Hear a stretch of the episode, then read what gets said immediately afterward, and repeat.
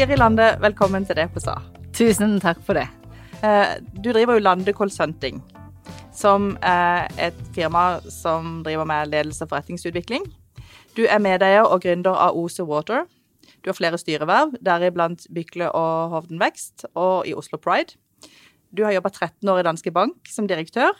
Og så har du en utdannelse som også er internasjonal. Du har en MBA. Eh, og jeg ser at du har studert i California, og at du har bygd på med diverse andre fag underveis. Men Siri, vi må spole litt tilbake til der det hele begynte. For det var i Bygland, en liten kommune, kommune i Setesdal. Der vokste du opp. Ja. Hvordan har det vært? Du, eh, det har vært eh, helt fantastisk. Eh, og så rart som det kan høres ut med alt som jeg har gjort i livet, og, og, og synes det. Nå ser jeg jo at jeg begynner å trekke tilbake også i mye større grad enn tidligere. Og det som er med ei lita bygd, på den måten som jeg vokste opp, så var det jo Eh, ikke var det telefoner, eh, det var ikke noe Netflix, eh, det var ikke barnehager. Eh, folk var sammen, og folk hjalp hverandre, og folk bidro der man kunne. Så sånn sett så var det jo en eh, fantastisk fin og rolig oppvekst. Når vi var på skolen, så var vi fem stykker på hele skolen. Eh, I friminuttene, hvis vi lekte greit, så ble vi ikke kalt inn før læreren vår syntes at nå var det på tide at vi kom inn på, på skolebenken igjen. Så det var jo en fantastisk barndom på alle måter. Eh, så hadde jo du foreldre som var eh, aktive, ja. og som drev med forskjellige ting. De hadde gård, mm. og de hadde en landhandel. Ja. Vil du fortelle litt om det? Ja, altså min far, den gården som han kom fra, den overtok han vel på et litt seinere tidspunkt. Det var noen tante onkler som bodde der før. Eh, men eh, det var gård, og vi hadde butikk. Den starta jo for mange år siden, et par-tre generasjoner siden, hvor den første butikken oppe i området på Bygnadsjord ble starta. Så ble han flytta til Grendi på kjøkkenet på et gammelt hus jeg hadde der. Så man ble flytta ned igjen til eh, veien, og så etter hvert så solgte vi den i 75-76. Så min barnehage var jo blant hyllene, og fylte på med melsekker og snakka med kundene, og, og, egentlig var jeg butikksjef da jeg var veldig liten, inntil min far tok meg under armen og bar meg opp igjen i andre etasje til min mor. Men hva var det du likte med å, være i butikken og drive litt sånn business på Jeg tror Nei, altså jeg tror det var det, det sosiale. Jeg, jeg, jeg syns det var helt fantastisk å være omringa av masse mennesker. Og i 75 så flytta vi 200-300 meter opp fra veien. Og min mor forteller meg det at da gikk jeg ned til veien og satt ned ved butikken der for å snakke med folk, for jeg syns jo det var så øde å flytte opp, og det var ikke noe liv, det var ikke folk som kom med bilene og parkerte og så videre. Og min mor var jo også veldig aktiv, både i organisasjonsliv og tidlig utdanna som sykepleier i en alder av 22, og hun er i dag 80, så det var også relativt tidlig for den generasjonen. Så jeg var jo vant til å ha det pulserende. Altså, vi hadde seksdagersuke. Uh, og, og, det var liksom etter tippekampen på lørdag, da satt vi oss ned sammen familien og slappa av, så spilte vi spill og hadde noe god mat og så på Dynastiet eller et eller annet sånt. Ja. Men hva tror du er det viktigste du har lært av å få lov å være med i butikken helt fra du var liten? Jeg tror jeg har lært å omgås mennesker. Uh, og, og, det at mennesker uh, Altså, de er ikke farlige, mennesker er forskjellige, mennesker har ulike behov. Uh, du kan si på ei lita bygd så blir samlingspunktene gjerne der man møtes og der man utveksler. Man veit jo alt hva som skjer i de ulike hjem, både på godt og vondt. Eh, så, så, du kan si at eh, alt man har i en stor by, det ble konsentrert rundt butikken. Så det ble på mange måter navet i, eh, i bygda. Mm. Men har det å komme fra et lite sted vært en styrke, eller har det vært en Eller har det også vært noe negativt med å komme fra et lite sted når du vil mye, sånn som det du har villet? For min del så har det ikke vært noe negativt med det. Og jeg tenker at det, det, er jo en del forutsetninger som skal ligge til grunn for at ikke det nødvendigvis er det. Nå har jeg vært veldig heldig og har hatt foreldre som har støtta opp under alt det jeg har gjort. Min far sa alltid at du får til alt det du vil, du. Så det er ingenting du ikke kan. Så bare du bestemmer deg for det. Så det var jo å si, nok motivasjon sånn sett til å tenke at ja, ja, jeg kan det sikkert, og hvis ikke jeg får det, så er det jeg som ikke gjør en god nok jobb, eller ikke får, uh, vil det nok. Så, så, det fikk jeg jo alltid høre og, og fikk med meg. Uh, og det gjorde jo til at når jeg da så på eh, det å, å være et lite sted og fikk inspirasjon fra folk som kom innom butikken, eh, så så jeg jo at det var noe mer der ute. Men den trygge rammen, den har jo vært et sånn godt fundament å ta med seg videre i livet. Du har alltid hatt et sted å falle tilbake på. Jeg har alltid vært hjemme veldig ofte, uansett hvor i verden jeg har vært. Så det er jo noe med den tryggheten og tilhørigheten i det som har danna en veldig, veldig solid grunnmur. Så båndene til Setesdal og Bygland, de har alltid vært, Alltid vært alltid vært sterke. Alltid. Så fortalte du meg at du skjønte jo selvfølgelig nokså tidlig at du også var litt annerledes på en måte. For du har jo en bakgrunn som adoptert. Ja. Eh, og det var ikke så mange eh, som deg i Setesdal da du vokste opp. Nei. det stemmer. Ja, og- Åssen var det? Nei, altså, jeg tror jeg har, var eh, to-tre år, så min mor fortalte meg at jeg sto i gangen og kikka på meg sjøl i speilet, og så sa til meg selv at ja, du er annerledes du, Siri. Så det var sikkert veldig lenge før jeg skjønte det hva det egentlig var, men øh, jeg skjønte det implisitt, på en måte. Og det er klart, jeg har alltid fått vite at jeg har vært adoptert, så når jeg introduserte meg selv som liten, så sa jeg jeg heter Siri Lande, adoptert fra Korea. Eh, Så, så liksom det ble bare sånn en naturlig sak rundt det, og det var jo aldri noe spørsmål. Eh, Jeg vokste opp, når du spurte om det i sted i oppveksten, så det, det var ingen innvandrere, det var ingen som var annerledes, det var bare meg. Og det var, ble naturlig. Så det var, det var liksom ikke noe. Ja, og det ble egentlig en styrke for deg. Ja, det gjorde det jo. På mange måter. Og, og, men det er klart at det som jeg så etter hvert tidlig, det var jo det at jeg var jo veldig synlig på godt og vondt. Eh, sånn at det, det er klart at det var jo Du var synlig i skolegården, du var synlig på skolen. Eh, det var merka kanskje tendenser til at man fort ble plukka ut hvis det var noen som Ja, er det noen som kan si noe? Siri, kan du si noe? For dette, ikke sant? Det var lett å legge merke til. det. Ja, ikke sant? Mhm. på, på den, så jeg lærte jo meg jo sånn ubevisst tror jeg, mekanismene på hvordan jeg kunne utnytte det til min egen fordel.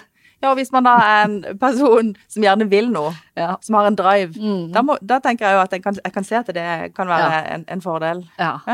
Eh, er det andre ting ved det som har vært en styrke for deg i jobb- og karrieresammenheng? Absolutt, fordi at du er blitt tvunget til faktisk å, å, å stå for noe. Fordi at jeg har alltid vært annerledes. Fra jeg var veldig ung i min karriere, så var det veldig få kvinner. Det var i hvert fall ikke noen med annen hudfarge. Eh, og det var i hvert fall ikke noen eh, veldig få fra bygda, så du kan si at på veldig mange måter så fikk eh, så, så som jeg sier, på mange måter så var jeg et kinderegg for næringslivet i forhold til at jeg var kvinne, og jeg var adoptert ikke sant, og kom fra Distrikts-Norge, sånn sett. Så, så, så um, på den måten så fylte man mange uh, ulike perspektiver, og det var viktig også å ha et forhold til det, fordi du ble alltid spurt om det. Og du, du har et forhold til det på mange måter, for du har Mhm. også eh, reist tilbake. Ja. Uh, og hva har det gjort med deg? Nei, eh, hva har det gjort med meg? Det, det det har gjort med meg, at jeg er vel blitt stolt av bakgrunnen min, og hvor jeg kommer fra. Eh, Det er klart, når jeg leste om og lærte om Sør-Korea i geografitimen min på Bygland skole, så var det sånn lite avsnitt eh, om Sør-Korea, og så var det noen sånn asiater ute i risåkeren med disse Kina-hattene. Så da husker jeg folk sa ja, Siri, se der, der er, det, der er det du kommer fra, ikke sant? Til da å komme ned i 97 som voksen og se at du var et hypermoderne samfunn som var ti år foran Norge. Så det var en enorm sånn kontrast, og, og eh, ja, eh, men, men som sagt så har jo det jo vært en reise for selve landet. Landet var jo ikke sånn hvis du gikk tilbake når jeg ble født i 69-70, så var det fortsatt under oppbygging til hva det er i dag.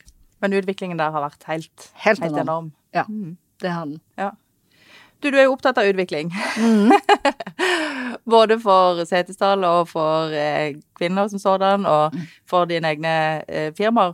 Kan du si litt om i hvilken interesse eh, dine fagfelt, eller hvil- hvilke fagfelt er det som du brenner mest for og kan mest om?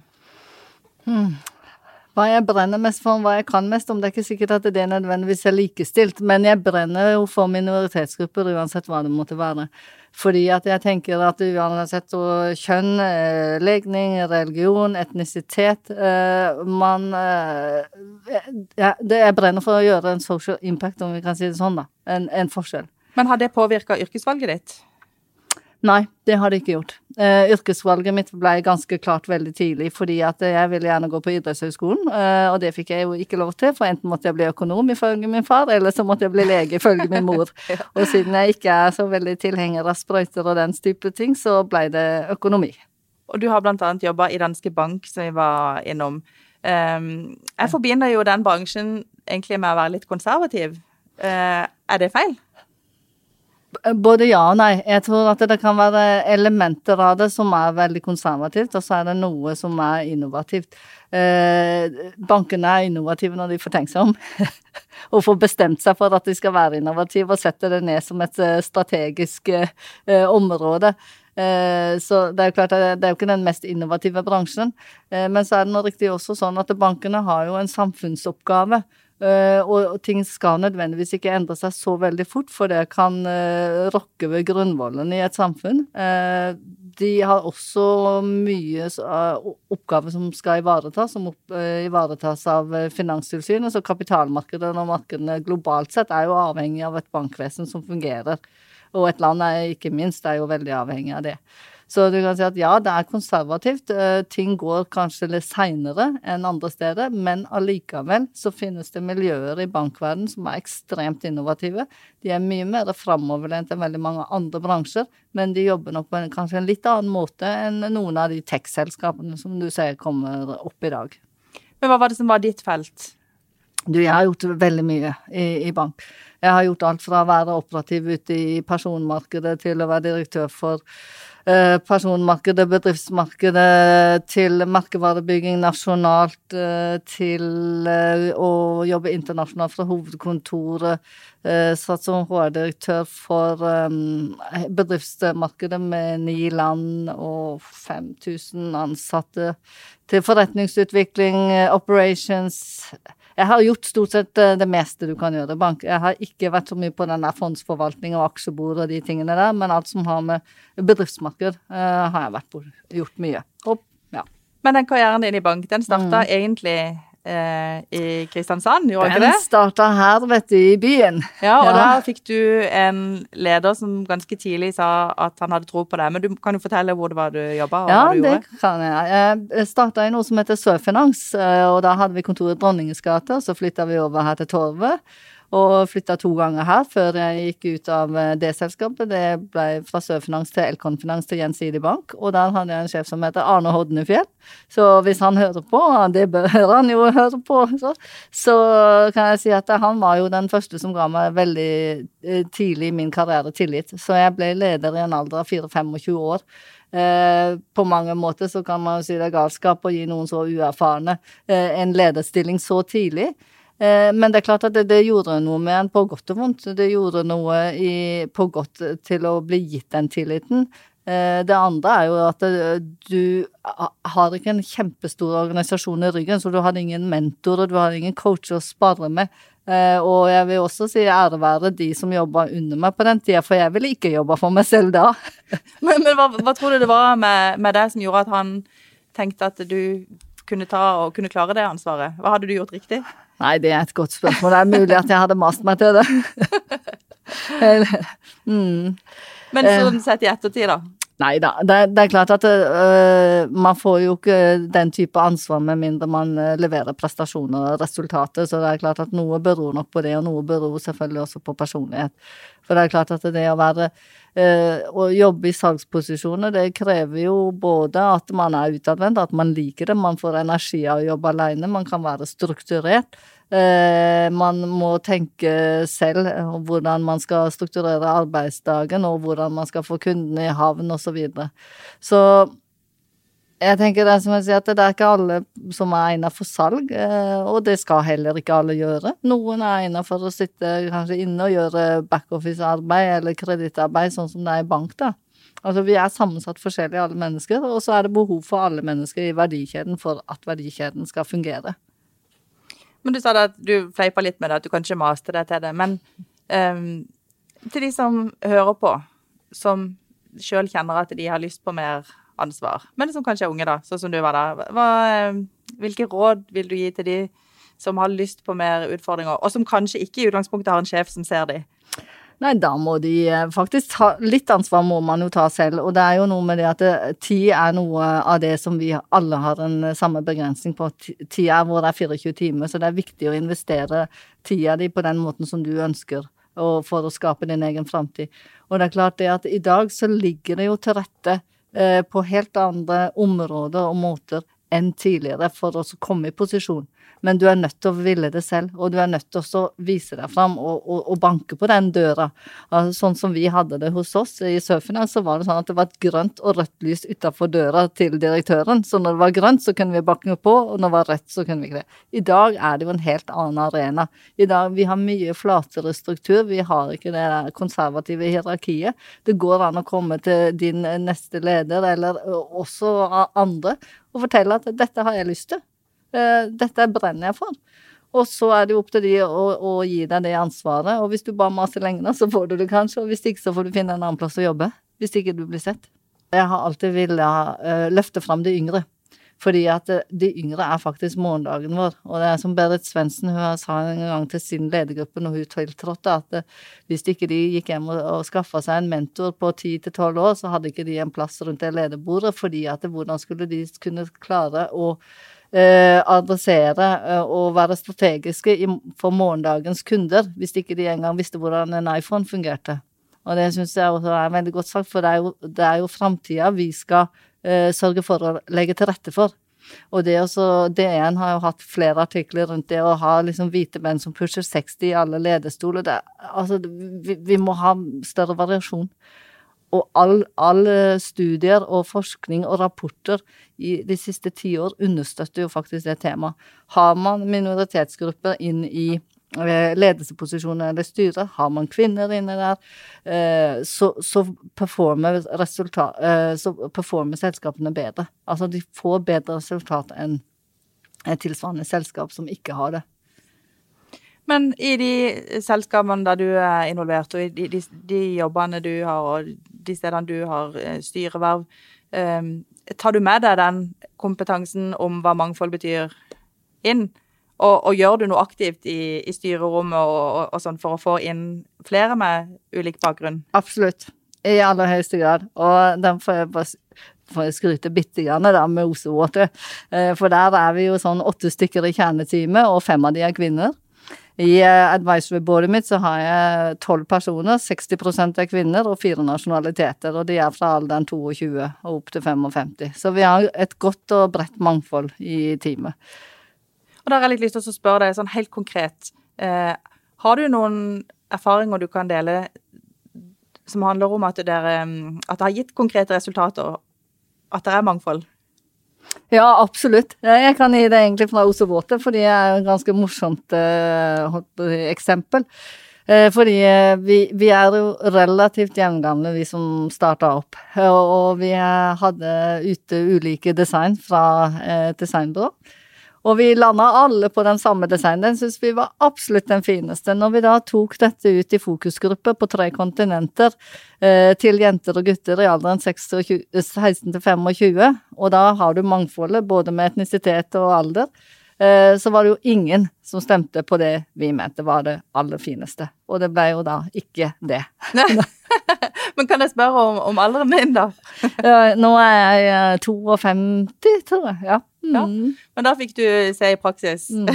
hvor viktig det var eh, at man lytta til ulike mennesker med ulik alder ja. og på ulike steder. Ja. Mm.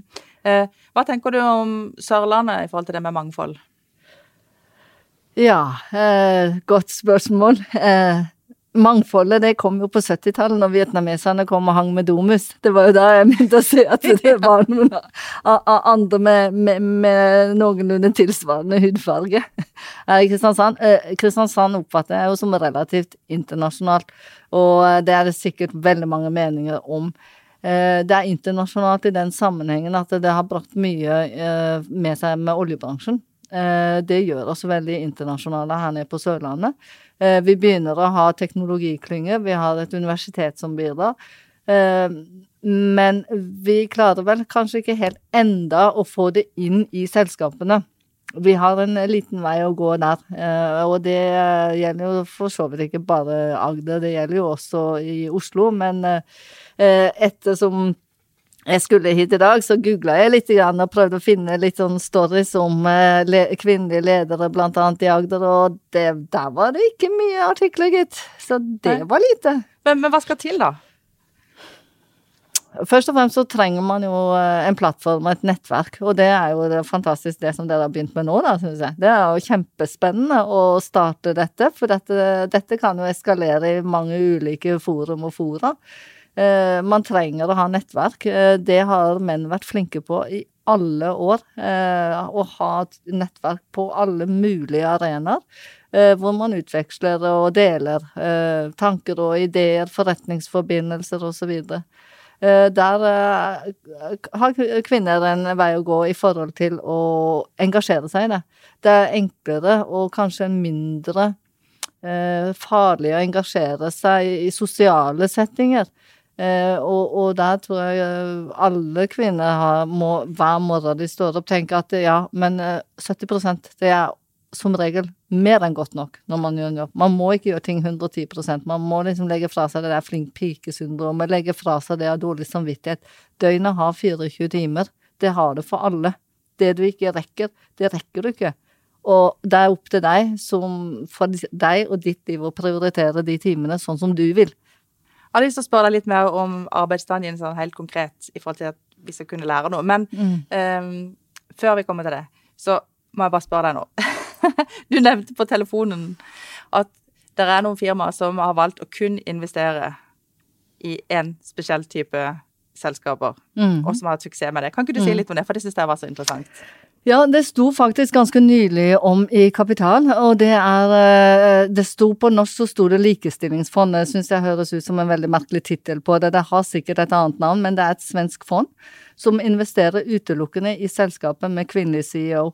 Og porteføljen har vel over 100 selskaper i dag, og de har slått børsen i Sverige så det suser. Stilig. Veldig stilig. Mm. Og så tilbake til din arbeidsdag. Åssen uh, er den? Den er uh, relativt aktiv. Nå er jeg veldig privilegert i den forstand at jeg ikke trenger så mye søvn. Uh, så jeg står uh, gjerne opp et sted Ja, det kan variere veldig, men si rundt sju eller åtte oppe.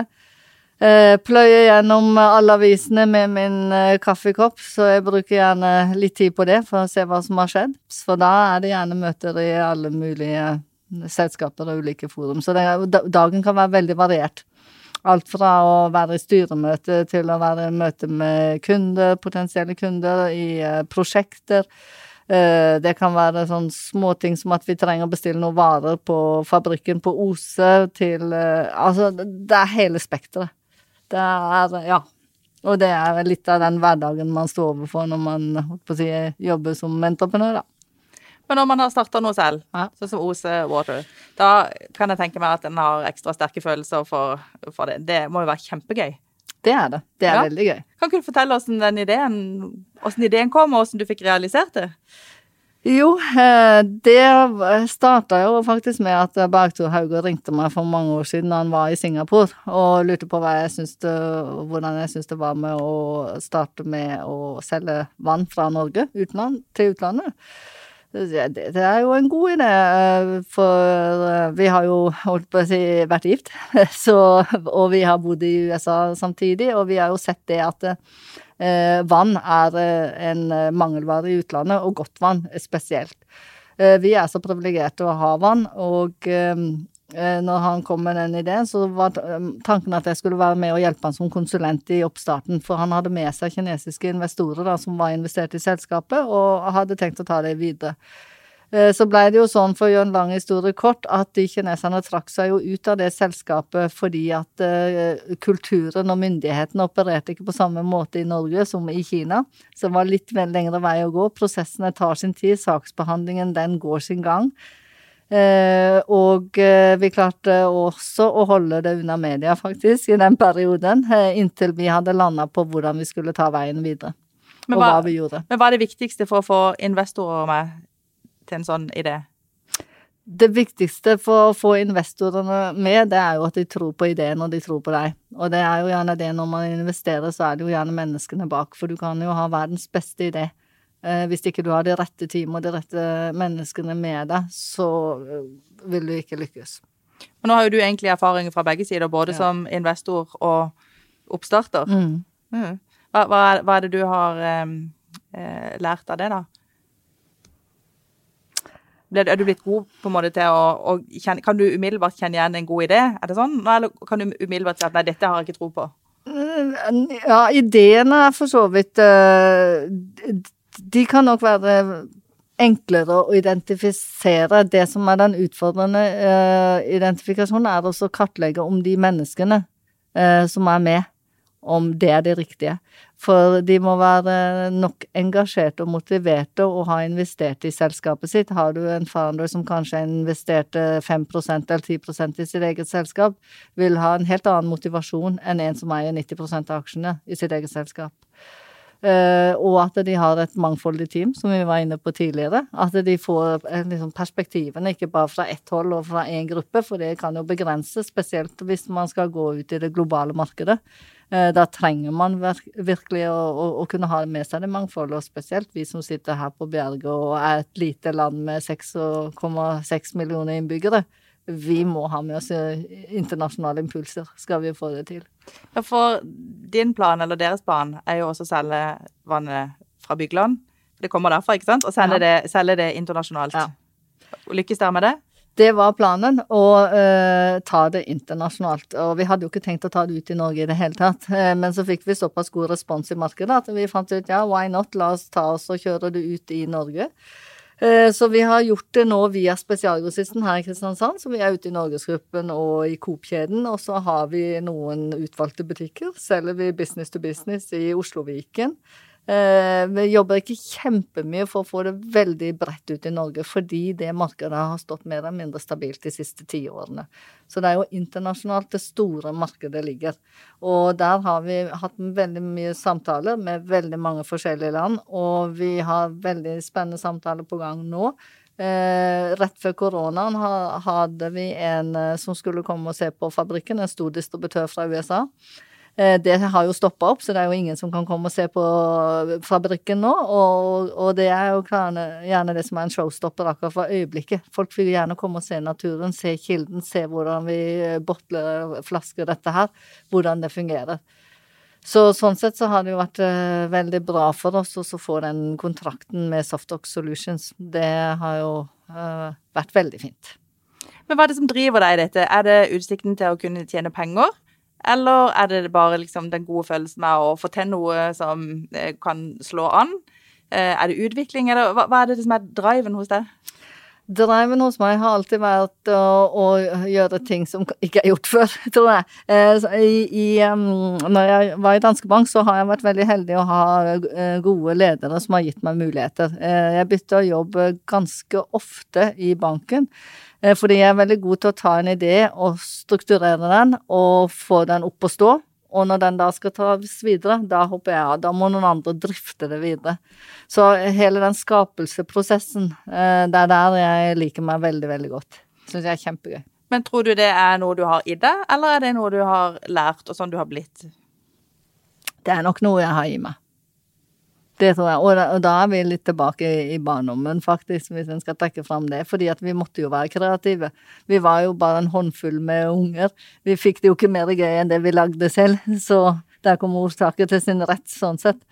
Så det var jo ikke, som jeg sa, no, verken barnehage eller kinoer eller Netflix eller eh, mobiltelefoner eller eh, Facebook eller Snapchat eller Det var ingenting annet enn oss sjøl, så men de, de, som er unge i dag, da, de har egentlig en, eh, det en liten ulempe, det da, kanskje, at de fyller tida med, med, dette, med disse nettingene, med sosiale medier, Uh, istedenfor å finne på ting sjøl og utvikle ting sjøl. Kanskje de rett og slett går glipp av en mulighet der?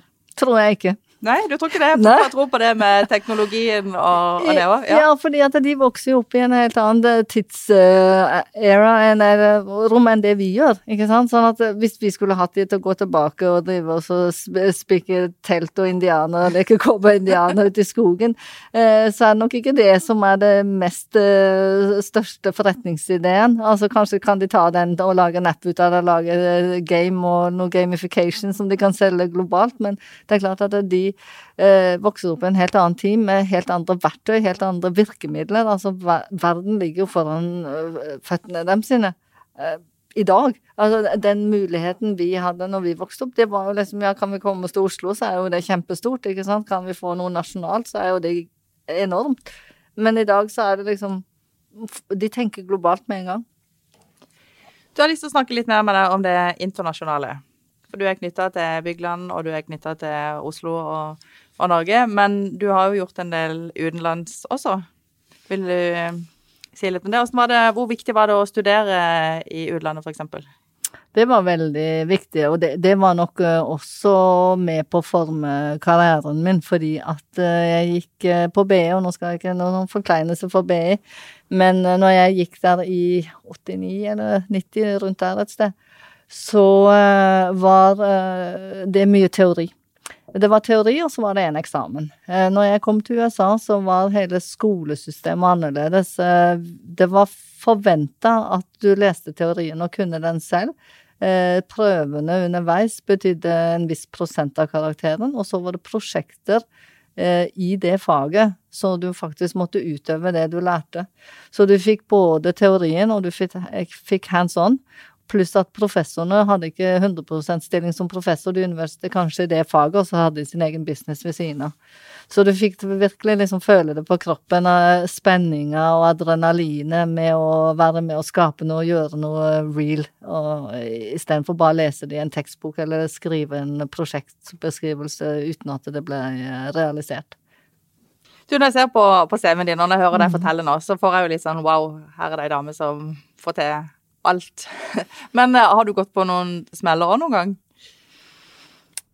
Eh, det har jeg garantert, helt sikkert. Eh, gått eh, på noen smeller, men det, det, det, det høres forferdelig ut å ikke kan liksom eh, utpeke noen smeller eh, sånn umiddelbart. Det som jeg kan sånn tenke på når vi sitter her og snakker, det er jo faktisk det å ikke lytte til seg selv. Det er kanskje den største smellen jeg har gjort. Og ikke la min indre stemme få lov til å bestemme veivalgene. Eh, det er jo sånn veldig sånn typisk i, i, også i dagens samfunn, det er flink pike-syndrom. Vi skal liksom kunne alt. Vi skal ha en ålreit uh, jobb. eh, Vi skal manøvrere mellom hjemmesituasjon og familie og, og, eh, og, og jobb, og, det er jo faktisk ikke mulig. Eh, Det er mulig i den forstand at man må finne de lommene selv. Og så finne ut hvordan skal den vektskåla være sammensatt. Hvor mye ønsker jeg å være på jobb, hvor mye skal jeg bringe familien, osv. Men hvis du skal kjøre fullt opp på alle plasser, eh, så tror jeg du går short in the long run. Det, Men, men hva gjør du da for å koble av, og for å ikke brenne deg ut med alt det du holder på med? Eh, For det første så er veldig mye av det jeg holder på med, det er også hobbyen min. Eh, Og det som jeg sier til folk, at ikke strikker jeg. Og ikke leser bøker. Og det er en del ting jeg ikke gjør. Eh, Hvis jeg skal koble av, så liker jeg jo godt å være vel ute i eh, naturen. Så sommeren får jeg anledning, så sier jeg ikke nei takk til å spille en runde golf. Eh, Jeg passer på å være med på jakta på høsten, det er viktig. Å bare sitte i skogen og se ut. eh, jeg liker å være på ski ute om vinteren, veldig glad i vinteren. Eh, god mat, matlaging, vin, ja. Eh, så kobla med venner og familie og sånne ting. Men jeg vet veldig mye mer nå hva jeg vil og hva jeg ikke vil, og jeg er veldig tydelig på det. Um, Men personer inspirerer deg. personer som inspirerer meg. Åh, der er det mange. Ja, du skal få lov å snakke litt, eh, å snakke litt om det. Er det sånn at det er en spesiell person som har vært viktig for deg i din yrkeskarriere, eller er det mange, eller? Jeg tror at jeg kan si at det har vært én som har vært sånn fundamentalt gjort en stor forskjell. Eh, Men jeg har nok hele tida ubevisst sett etter de som har vært annerledes, og sett hva de har gjort. Eh, så, så det er jo liksom Hvis du Hvis vi skal begynne litt sånn eh, high end, eh, eller på, på internasjonalt, da, så kan du si Dolly Parton. Lady Gaga, Oprah Winfrey, um, Ellen DeGeneres, um, Janet Yellen, uh, Christine Lagarde. Ja. Ja, de har inspirert deg. Det er kule, ja. kule personer. Ja. Ja. Er det noen eh, du har kjent som har pekt litt på deg, eller vist litt vei? Oh, ja, der har det jo også vært veldig mange. Eh, den den syns jeg også faktisk er litt sånn vanskelig å, å, um, å, å navngi sånn, sånn spesifikt, men, men det jeg kan si at det er jo mange som inspirerer meg i dag, hvis jeg heller kan gå Ja. på det. Mm. For der eh, har jeg jo tenkt litt også at eh, vi har eh, så mange flinke folk og flinke damer rundt forbi Agder. Jeg tenker Gyro Heia. Ung jente, ordfører i Birkenes. Du har Pernille Vea på Røyland gård. Jeg Gjør en fantastisk jobb med det brandet og hva de har fått til. Eh, Du har Else Haugland eh, på Dølen hotell. Du har Colin Skipsrud som driver med trimsenteret sitt.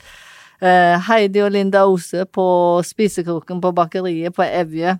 Eh, Du har Kirsten Leira Hovden på Destinasjon Hovden. Uh, Tores Merete Hofstad, Head of Production Management i Telenor Maritime. Uh, du har kjente profiler som vi kjenner. Tine Sundtoft, uh, Siv Kristin Selman, Helene Falk Flatmark. Um, ja. Jeg skjønner at her kan vi egentlig bare plukke gjester til podkasten nå. ja. mange, mange gode og inspirerende navn. Um, du skal få lov til å dele noen råd, da, hvis du har lyst til det, som lytterne våre kan ha nytte av. Ja. Um, som jeg alltid har sagt, hvis ikke jeg har det gøy når jeg går på jobb, så skal jeg ikke drive med det. Det å ha det gøy, det er min nummer én ting. Nummer to, det er å følge magefølelsen. Fordi at den eh, har aldri tatt feil. Dyrene følger alltid instinktet sitt. De tar aldri feil. Eh, og så er det, som jeg sa, det å eh, slutte å ha dårlig samvittighet. Og, og, og- det å så lytte til seg sjøl. Siri Lande, tusen takk for at du kom til Fædrelandsvennen og det hun sa. Takk for det, og det har vært eh, veldig moro å være her, og veldig gøy. Og eh, lykke til videre med prosjektet. Et veldig flott initiativ. Du har lytta til Federlandsvennens podkast 'Det hun sa' med Birgitte Klekken. Har du tips til andre bra damer vi bør snakke med, eller har du lyst til å dele inspirerende erfaringer fra ditt arbeidsliv? Ta kontakt på dethosa1fun.no.